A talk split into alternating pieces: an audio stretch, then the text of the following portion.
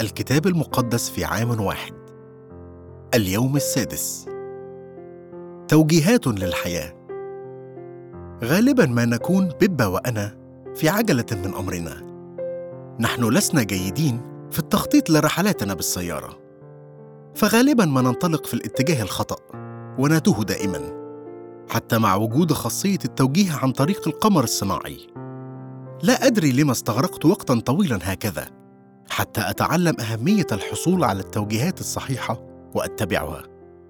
الكثيرون منا يشبهون هذا الوضع في الحياة. فنحن ننطلق مسرعين. ولا ندرك أهمية الحصول على توجيهات جيدة للحياة. إن اتبعت توجيهات الله بالنسبة للحياة فستتمتع ببركاته وتجلب البركة للآخرين. المزمور الخامس. لكلماتي أصغي يا رب. تأمل صراخي. استمع لصوت دعائي يا ملكي وإلهي. لأني إليك أصلي. يا رب بالغداة تسمع صوتي. بالغداة أوجه صلاتي نحوك وأنتظر. لأنك أنت لست إلها يسر بالشر. لا يساكنك شرير. لا يقف المفتخرون قدام عينيك. أبغضت كل فاعل الإثم. تهلك المتكلمين بالكذب. رجل الدماء والغش يكرهه الرب. أما أنا فبكثرة رحمتك أدخل بيتك. أسجد في هيكل قدسك بخوفك. يا رب أهدني إلى برك بسبب أعدائي. سهل قدامي طريقك لأنه ليس في أفواههم صدق. جوفهم هوة حلقهم قبر مفتوح. ألسنتهم صقلوها دنهم يلاه ليسقطوا من مؤامراتهم. بكثرة ذنوبهم طوح بهم لأنهم تمردوا عليك. ويفرح جميع المتكلين عليك. إلى الأبد يهتفون وتضللهم.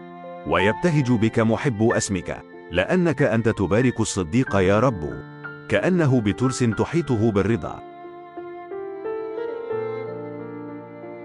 ابدأ كل يوم وأنت منتظر التوجيهات. عند الشروع في رحلة يكون أفضل وقت للحصول على التوجيهات الجيدة هو قبل أن تبدأ. لدينا في هذا المزمور نموذج رائع لكيف نبدأ كل يوم. استمع لصوت دعائي يا ملكي وإلهي لأني إليك أصلي. يا رب بالغداة تسمع صوتي. بالغداة أوجه صلاتي نحوك وأنتظر. داود ينتظر التوجيهات. يوجد وضع خاص بخصوص بدء يومك بأن تضع طلباتك أمام الله. حيث سيكون لليوم كله بعد مختلف بينما تنتظر بتوقع. يا رب اليوم اضع طلباتي أمامك وأنتظر توجيهاتك. قدني يا رب ابسط حمايتك فوقي. حطني بنعمتك ورحمتك كما بترسن. متى الأصحاح الخامس من عدد واحد وعشرون إلى عدد اثنان وأربعون؟ قد سمعتم أنه قيل للقدماء لا تقتل ومن قتل يكون مستوجب الحكم. وأما أنا فأقول لكم إن كل من يغضب على أخيه باطلا يكون مستوجب الحكم ومن قال لأخيه رقاء يكون مستوجب المجمع. ومن قال يا أحمق يكون مستوجب نار جهنم. فإن قدمت قربانك إلى المذبح وهناك تذكرت أن لأخيك شيئا عليك فاترك هناك قربانك قدام المذبح واذهب أولا اصطلح مع أخيك وحينئذ تعال وقدم قربانك. كن مراضيا لخصمك سريعا ما دمت معه في الطريق لئلا يسلمك الخصم إلى القاضي ويسلمك القاضي إلى الشرطي فتلقى في السجن. الحق أقول لك لا تخرج من هناك حتى توفي الفلس الأخير. قد سمعتم أنه قيل للقدماء لا تزني. وأما أنا فأقول لكم إن كل من ينظر إلى امرأة ليشتهيها فقد زنى بها في قلبه. فإن كانت عينك اليمنى تعثرك فاقلعها وألقها عنك لأنه خير لك أن يهلك أحد أعضائك ولا يلقى جسدك كله في جهنم. وإن كانت يدك اليمنى تعثرك فاقطعها وألقها عنك لأنه خير لك أن يهلك أحد أعضائك ولا يلقى جسدك كله في جهنم. وقيل من طلق امرأته فليعطها كتاب طلاق. وأما أنا فأقول لكم إن من طلق امرأته إلا لعلة الزنا يجعلها تزني ومن يتزوج مطلقة فإنه يزني. أيضا سمعتم أنه قيل للقدماء لا تحنث بل أوفي للرب أقسامك. وأما أنا فأقول لكم لا تحلفوا البتة لا بالسماء لأنها كرسي الله ولا بالأرض لأنها موطئ قدميه. ولا بأورشليم لأنها مدينة الملك العظيم. ولا تحلف برأسك لأنك لا تقدر أن تجعل شعرة واحدة بيضاء أو سوداء. بل ليكن كلامكم. نعم نعم. لا لا. وما زاد على ذلك فهو من الشرير. سمعتم أنه قيل عين بعين وسن بسن. وأما أنا فأقول لكم لا تقاوموا الشر بل من لطمك على خدك الأيمن فحول له الآخر أيضا. ومن أراد أن يخاصمك ويأخذ ثوبك فاترك له الرداء أيضا. ومن سخرك ميلا واحدا فاذهب معه اثنين. من سألك فأعطه ومن أراد أن يقترض منك فلا ترده. اتبع توجيهات يسوع بخصوص الحياة. هناك توجيهات عامة تنطبق على أي رحلة بالسيارة. إنها قواعد الطريق وهي موجودة في المملكة المتحدة في قانون الطرق السريعة. تشبه توجيهات يسوع في الموعظة على الجبل. قانون الطرق السريعة للحصول على حياة مليئة بالبركة. يتضمن اتباع توجيهات يسوع نمط حياة شامل وعميق فهو يضعنا أمام تحدي ألا نتساهل مع كل توجه وفكر وكلمة وتصرف خاطئ. ينبغي أن تكون كلماتنا كلمات بركة. وليست كلمات غضب لا ينبغي أن نتفوه بكلمات الغضب ضد إخوتنا وأخواتنا. الحقيقة الأخلاقية البسيطة هي أن الكلمات تقتل. لقد دعينا لأن نفعل كل شيء في مقدورنا لنبارك أولئك الذين قد اختلفنا معهم. إن تذكرنا أن لصديقنا موقف ضغينة ضدنا ينبغي أن نذهب لهذا الصديق. ونحاول أن نصحح الأمور معه. إن واجهنا عدو قديم ينبغي أن نقوم بالخطوة الأولى وهي أن نصحح الأمور معه. نحن بحاجة لأن نحفظ ما نقوم به بعيوننا وبقلوبنا. فإن سمحنا لهم بأن يفسدوا فحينئذ ستفسد نفوسنا ونصير أبعد ما يكون عن كوننا بركة للآخرين. قم بتصرف شامل وجذري. ليس الأمر ببساطة هو الزنا المادي. وكلمات يسوع في العدد الثامن والعشرون تعني لا تظنوا بأنكم قد حفظتم طهارتكم ببقائكم بعيدا عن الفراش هكذا ببساطة لأنه يمكن أن يكون قلبك فاسدا بالشهوة حتى أسرع من جسدك. أولئك الذين يختلسون النظر ويظنون أن لا أحد يلاحظ فهؤلاء أيضا فاسدون. يتكلم يسوع عن العين بصفتها نقطة بداية الزنا. اتخذ خطوات جذرية لتفادي مثل هذا المسار. وكما قال أيوب عهدا قطعت لعيني فكيف أتطلع في عذراء؟ قصد الله من الزواج أن يكون مكان بركة للزوج وزوجته ومصدر بركة للآخرين. وهذا يعني حياة إخلاص جذري داخل إطار الزواج. يتكلم يسوع ضد استخدام الطلاق كغطاء للأنانية والنزوات. علينا أن نحيا حياة نزاهة واستقامة شديدة. نقول فيها ما نعنيه ونعني ما نقول. بل ليكن كلامكم نعم نعم لا لا وما زاد على ذلك فهو من الشرير. تعني مباركة الآخرين أن نبارك حتى أولئك الذين يفعلون بنا أمور سيئة. لا تقاوموا الشر بل من لطمك على خدك الأيمن فحول له الآخر أيضا. ومن أراد أن يخاصمك ويأخذ ثوبك فاترك له الرداء أيضا. عيشوا بكرم. أن ترد الخير بشر فهذا أمر شيطاني. أن ترد الخير بالخير فهذا أمر إنساني. أن ترد على الشر بالخير فهذا هو طريق يسوع. ساعدني يا رب هذه السنة. لأتبع توجيهاتك بخصوص الحياة. ولأنشر البركة أينما ذهبت. التكوين الأصحاح الحادي عشر من العدد عشر إلى العدد اثنان وثلاثون. هذه مواليد سام. لما كان سام ابن مئة سنة ولد أرفكشاد بعد الطوفان بسنتين.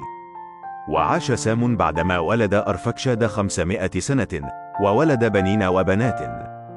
وعاش أرفكشاد خمسا وثلاثين سنة وولد شالح. وعاش أرفكشاد بعدما ولد شالح أربعمائة وثلاث سنين. وولد بنين وبنات. وعاش شالح ثلاثين سنة وولد عابر وعاش شالح بعدما ولد عابر أربعمائة وثلاث سنين.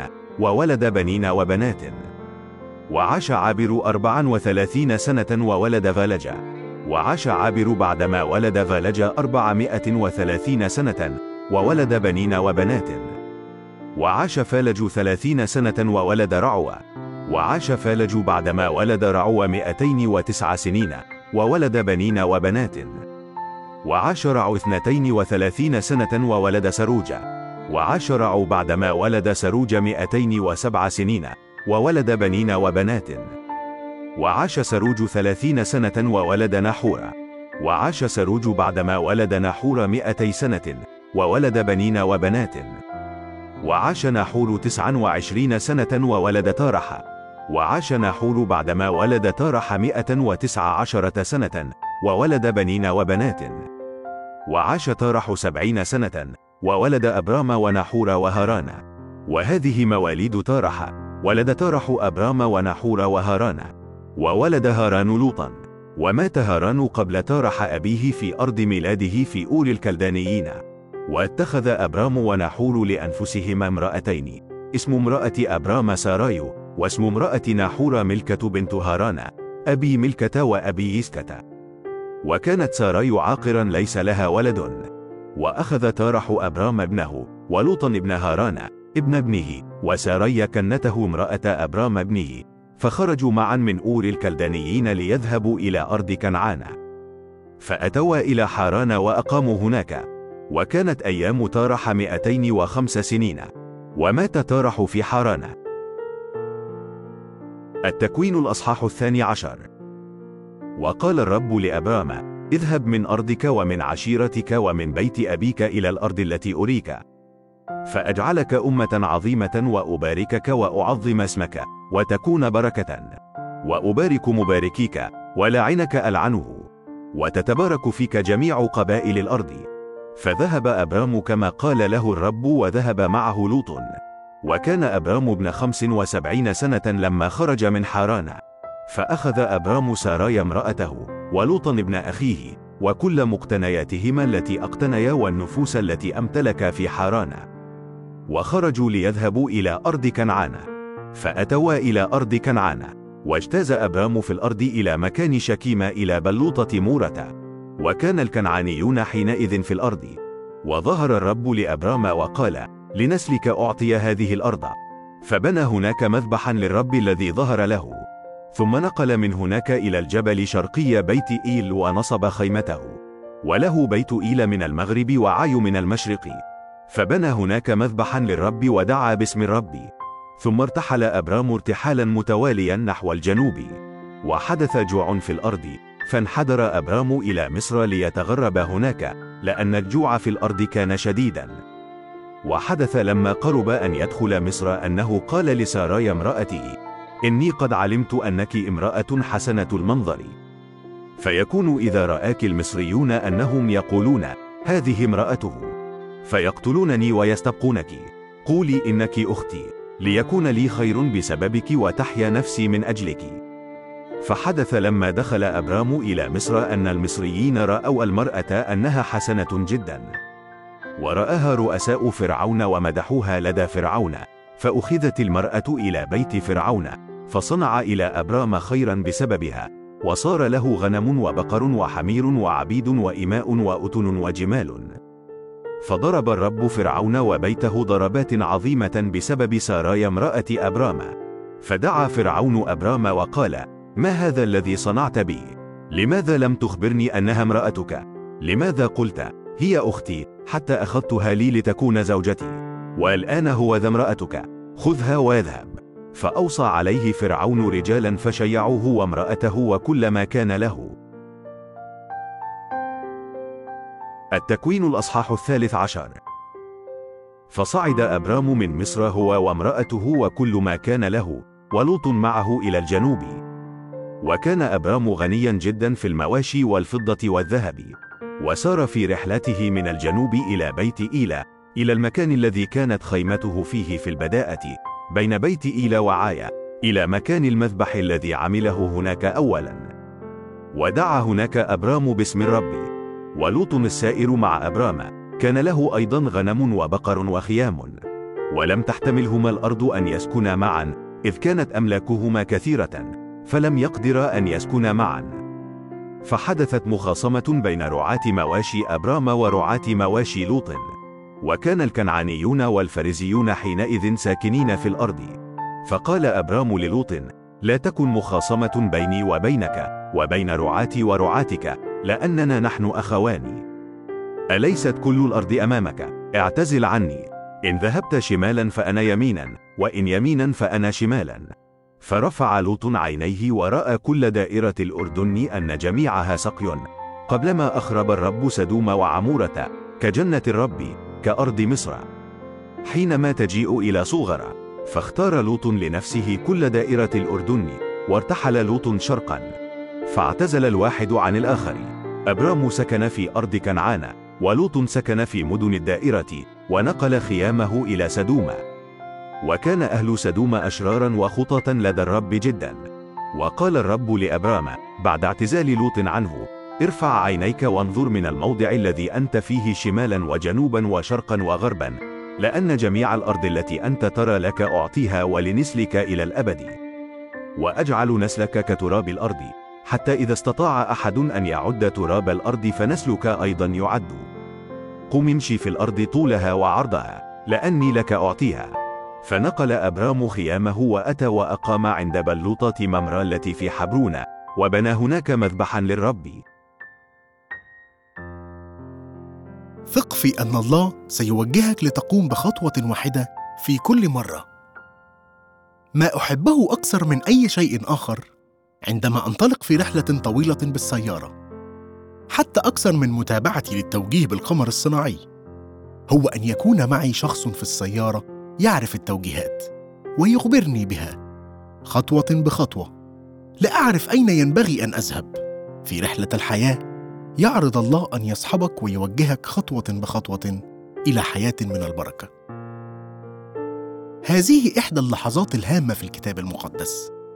عندما يبادر الله بخطة إنقاذه للبشرية كانت الإصحاحات السابقة قصة خطية وانفصال متزايدين على الله بصورة لم يسبق لها مثيل. في هذه الآيات فجأة يتغير كل شيء بينما يكشف الله عن الحل الذي يقدمه. إبراهيم يعد الله إبراهيم فأجعلك أمة عظيمة وأباركك وأعظم اسمك وتكون بركة. وأبارك مباركيك ولاعنك العنه وتتبارك فيك جميع قبائل الأرض. يختار الله فردا واحدا ويباركه ثم أمة واحدة ويباركها ولكن كانت خطته دائما هي أن يمرروا البركة لغيرهم. هذا مفتاح لفهمنا للعهد القديم. بينما نفسر لما اختار الله إسرائيل لكيما من خلالهم يتبارك العالم كله. وفي النهاية تم هذا الوعد تماما في يسوع. إنه تتميم وتحقيق كل وعود وأمال إسرائيل. كما قد رأينا هذا الأسبوع في إنجيل متى وفيه تكمن بركة كل الشعوب. هذا الآن هو هدف الله من أجلك. يكتب الرسول بولس اعلموا إذن أن الذين هم من الإيمان أولئك هم بنو إبراهيم. والكتاب إذ سبق فراى أن الله بالإيمان يبرر الأمم. سبق فبشر إبراهيم أن فيك تتبارك جميع الأمم. إذا الذين هم من الإيمان يتباركون مع إبراهيم المؤمن. الكنيسة مباركة مثل إبراهيم وإسرائيل. ليس لأجل خاطرها بل لكي ما تجلب البركة لكل العالم. إن كنت قد باركك الله فهذا ليس لكي تنغمس في أنانيتك. أو لتهنئ نفسك بل لتكن أنت أيضا بركة للآخرين. يدعو الله إبراهيم ليغادر بلده وشعبه وبيت أبيه وأن يذهب إلى الأرض التي سيري الله إياها. وقد فعل إبراهيم بالضبط كما وجهه الله. وقد وثق أن الله سيوجهه خطوة بخطوة. لم يمكنه أن يرى الخطوات المقبلة في هذا الوقت لكنه وثق في وعود الله. هذه كانت خبرتي في الحياة. ربما يعطينا الله صورة عامة عما يريدنا أن نفعله. ولكن بالنسبة للتفاصيل فإنه يقودنا خطوة بخطوة. تتضمن الحياة بالإيمان اتباع توجيهاته خطوة بخطوة. لن تكون الرحلة مريحة دائما. كان إبراهيم انسانا معيبا جدا مثلنا تماما. باركه الله بثروة عظيمة. وامرأة حسنة جدا. ومع هذا سمح لفرعون في تصرف ينم عن الضعف والخداع أن يأخذها زوجة له. ثم بعدها حدثت مخاصمة بين رعاة مواشي إبرام ورعاة مواشي لوط. يقرر إبراهيم أنه ينبغي أن يكون هناك افتراق بينه وبين ابن أخيه. في الواقع لم يكن إبراهيم ولوط هما اللذان اختلفا معا بل كان كما يحدث غالبا تابعيهم حقيقة وقوع الاحتكاك في العلاقات الإنسانية أمر ظاهر جدا. اختار لوط أفضل أرض وترك لإبراهيم ما بدأ أنه أقل جودة. لكن مرة أخرى يعطي الله توجيهاته لإبراهيم فيقول له ارفع عينيك. قال الله وأجعل نسلك كتراب الأرض. حتى إذا استطاع أحد أن يعد تراب الأرض فنسلك أيضا يعد. قم وامشي في الأرض. طولها وعرضها لأني لك أعطيها. كما تكتب جويس ماير بدلا من أن نحبط وتثبط عزيمتنا أو نغضب عندما يخيب الناس ظننا يريدنا الله أن نرفع أعيننا وننظر حولنا ونعد بركاتنا بدلا من التركيز على ما نملكه. إنه يريدنا أن نثبت عيوننا عليه وليس على عمل العدو لأنه عنده خطط ليباركنا. بسبب نعمة الله فقط وعد إبراهيم بهذه البركات الرائعة. كان القصد أن يكون هو نفسه بركة للعالم كله. نفس الشيء ينطبق عليك.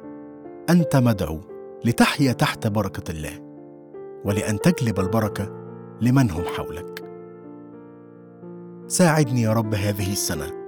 أن أتبع توجيهاتك خطوة بخطوة وأن أحيا تحت بركتك وأن أجلب بركات كثيرة بقدر الإمكان لمن هم حولي. كلنا بحاجة للإرشاد كل يوم في كل قرارات الحياة الصعبة. اتباع الطريق المستقيم يحمينا من التيه وتضييع الوقت والجهد. يا رب اهدني إلى برك بسبب أعدائي. سهل قدامي طريقك.